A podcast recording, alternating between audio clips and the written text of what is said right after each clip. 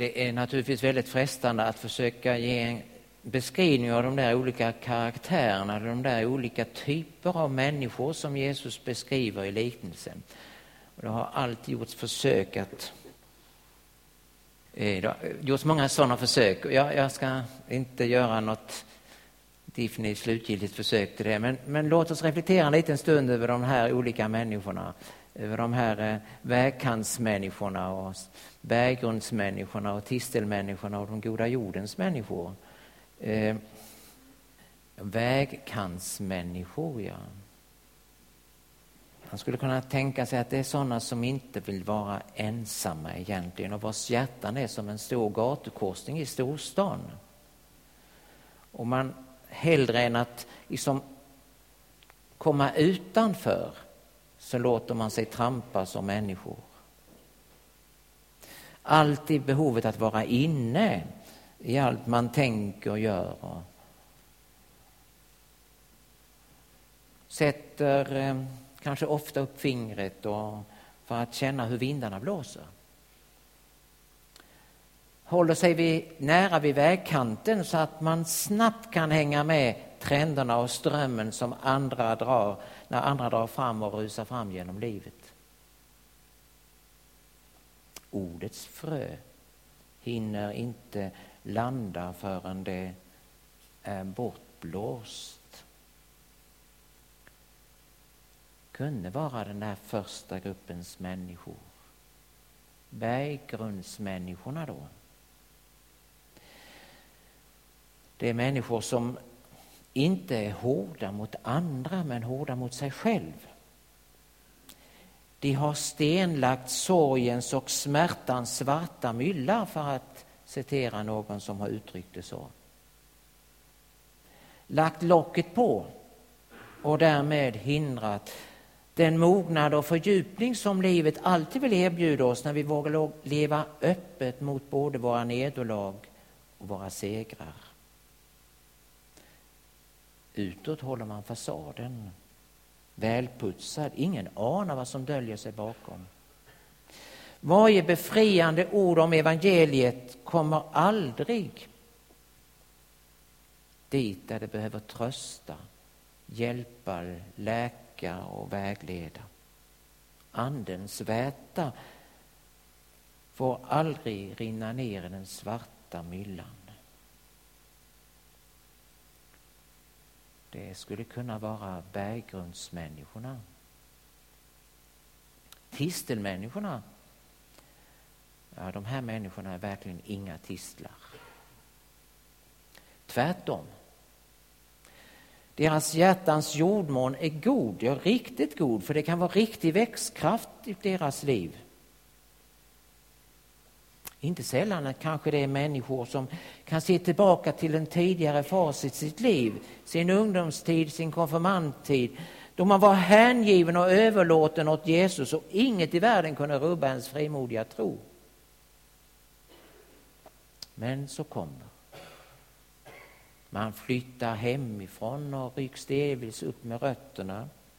Man hamnar i nya sammanhang, nya sociala sammanhang där tron inte är lika självklar och sanktionerad. Och man har en stark längtan av att ta tag i sitt liv, om självständighet, att fatta sina beslut och bestämma vad man vill göra av sitt liv.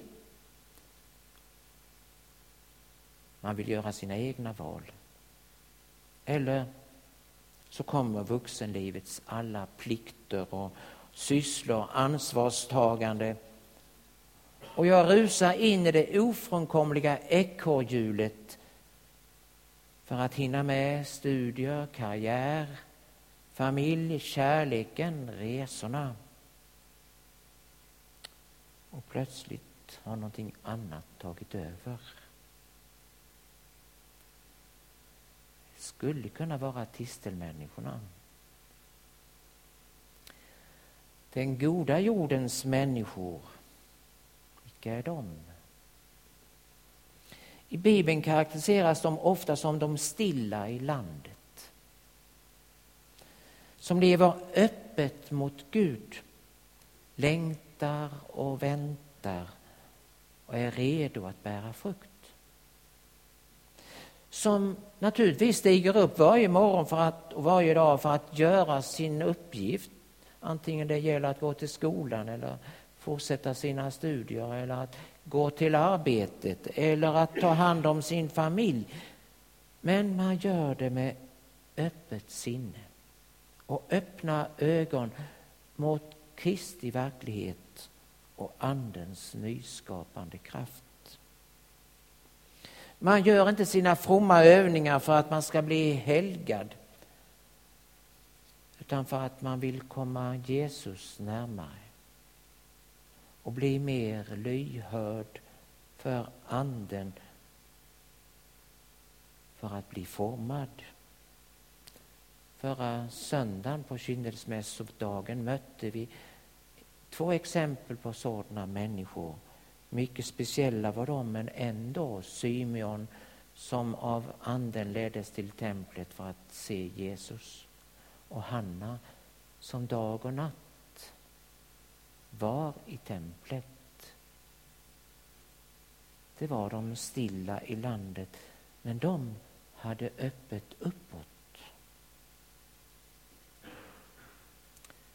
Det här är egentligen bara ett försök att hitta någon slags karaktärer på de olika grupperna som drabbas av himmelrikets utsäde. Och du kanske redan har försökt placera dig. Var är jag någonstans? Det här är nog, jag är nog en sån där. Det här är egentligen inte alls något fokus och något centralt i texten, om jag får uttrycka det så. För det var ju naturligtvis självklart att människor var olika och att man lyssnade och tog emot det Jesus undervisade på olika sätt. Det var inte alls något konstigt. Det hör livet till att vi är olika.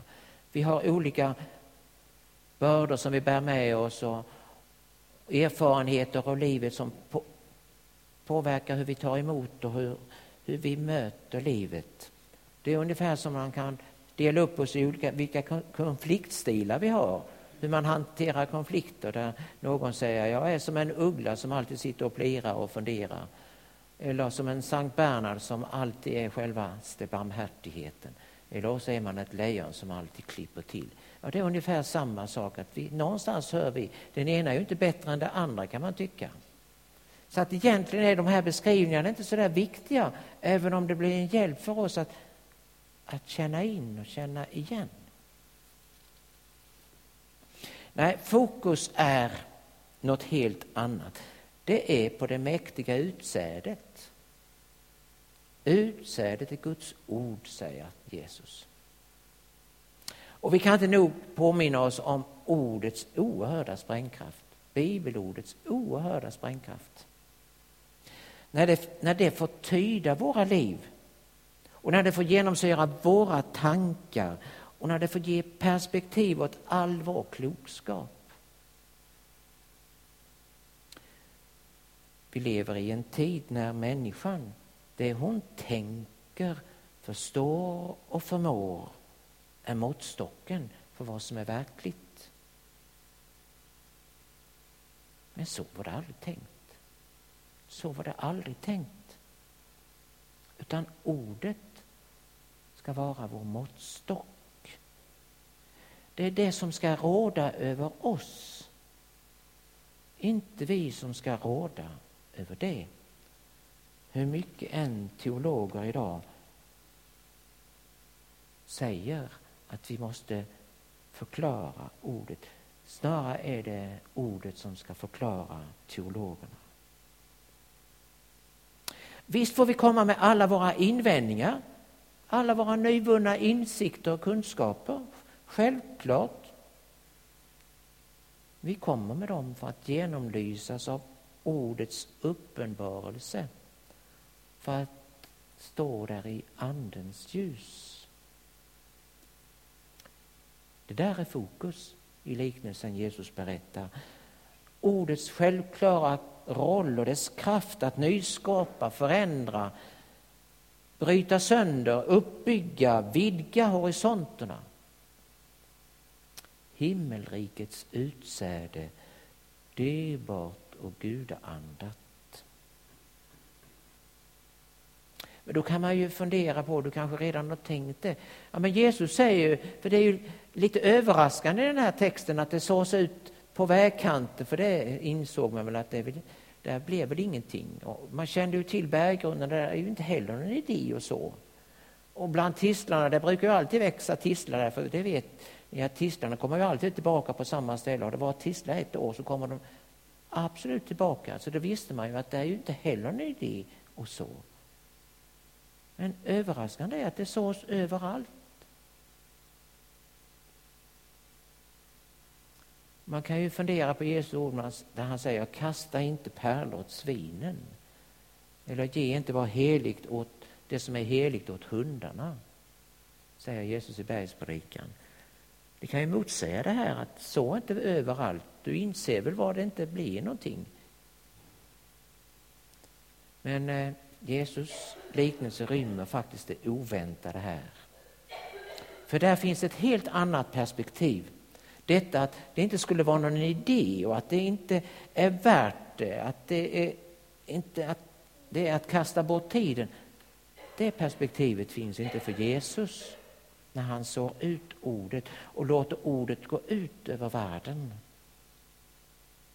Med en sån självklarhet talar Jesus om att säden sås ut som om inte han visste att det var lite olika typer av människor i folkhavet.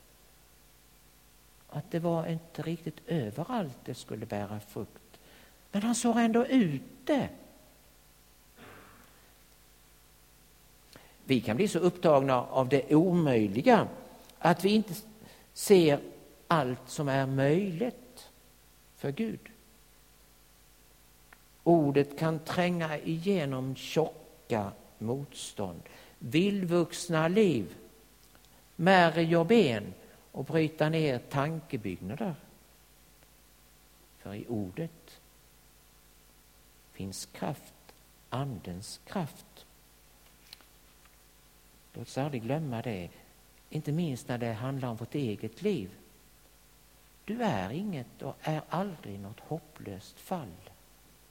Även om du just idag skulle känna dig som en vägkantsmänniska. Gamla testamentet, vi har redan blivit, den gamla testamentliga texten, vi har redan blivit påminn om det. Det återvänder inte fåfängt när Herren har sänt ut det, liksom regnet och snön. Så kommer det tillbaka för att återigen vattna. Och så är det också med ordet. Det sänds ut och det verkar vad Gud vill. Ibland ser vi ingenting, vi anar inte hur Gud bygger sitt rike. Och dess verkan Jag ska uh, göra en koppling kanske först till episteltexten också, för den borde vi också fått stanna inför. Trots att Jesus kan, eller aposteln är det som talar där, säger att, att evangeliet och talet om korset, om Jesus, är en dårskap för hedningarna och en stötesten för judarna. Så säger han ändå, men Kristus som är en Guds kraft. Inte ens Människors dårskap och slutenhet kan hindra Gud att utföra sitt verk med ordet. Därför vill han och kan, därför vill och kan ordet alltid bygga upp Guds rike där vi minst anar det. Och dess verkan överträffar alla förväntningar. Hundrafaldig skörd, står det. Det fanns inte en bonde i Israel, i Palestina och inte någon annanstans heller som någon gång hade erfarit en sådan skörd. Det var fullständigt overkligt, men inte i Guds rike. Himmelriket är fyllt av det oväntade. Gud håller det i sina händer. Allt låter han sammanfattas i Kristus. Du och jag kan på ett sätt varken göra för, till eller från. Men vi kan vara som Symeon som kom till templet. Vi kan vara öppna uppåt och bli den goda jorden. Amen.